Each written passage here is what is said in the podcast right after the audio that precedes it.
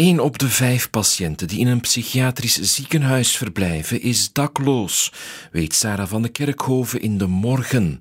Allemaal mensen die nergens naartoe kunnen. En terwijl die patiënten een bed bezet houden, is er dus geen plaats voor iemand anders die hulp nodig heeft. Intussen blijven in de sociale huisvesting de plaatsen steeds schaarser worden en lijkt onze overheid te vergeten dat er een groep mensen is die echt in precaire omstandigheden leeft. De boeren komen versterkt uit de afgelopen week, vindt Noël Slange in het laatste nieuws. En dat geldt ook voor landbouwminister Jo Broens. Hij meet de politieke trucs en toonde zich empathisch. Nee, de blikschade in dit conflict is voor de rekening van NVA, voor Vlaams minister Demir en partijvoorzitter Bart de Wever.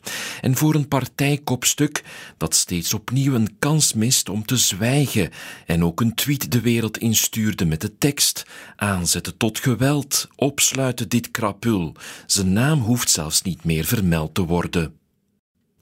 De tractoren hebben de weg weer vrijgemaakt, stelt Inge Gijs vast in de standaard. En intussen krijgt de consument nu de schuld voor de boerencrisis toegespeeld.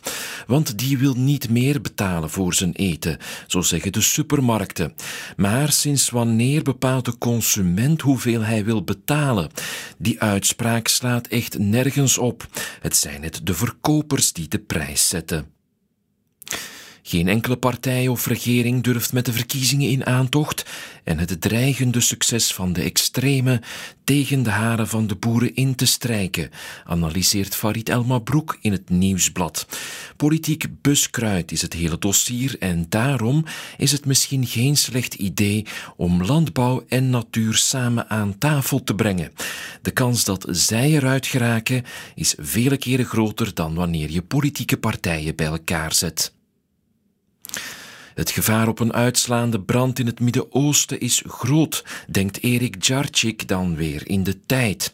Na de twee grootschalige aanvallen op pro-Iraanse doelen de voorbije dagen. De ingehouden reactie van Iran toont intussen aan dat het land niet zit te wachten op een open oorlog met de VS. Maar de vraag is hoeveel greep Iran heeft op zijn pionnen. In de Gazet van Antwerpen kijkt Sascha van Wielen tot slot naar het mobiliteitsbeleid, naar Antwerpen en naar de investeringen in de tram- en treininfrastructuur daar. De kritiek luidt dat er te veel geld gaat naar Antwerpen. Maar de investeringen zijn er juist voor de mensen die naar de stad komen. Maak er dus geen debat van platteland tegen de stad van, want dat is een schijndebat. Het is maandag 5 februari en dit waren de krantencommentaren.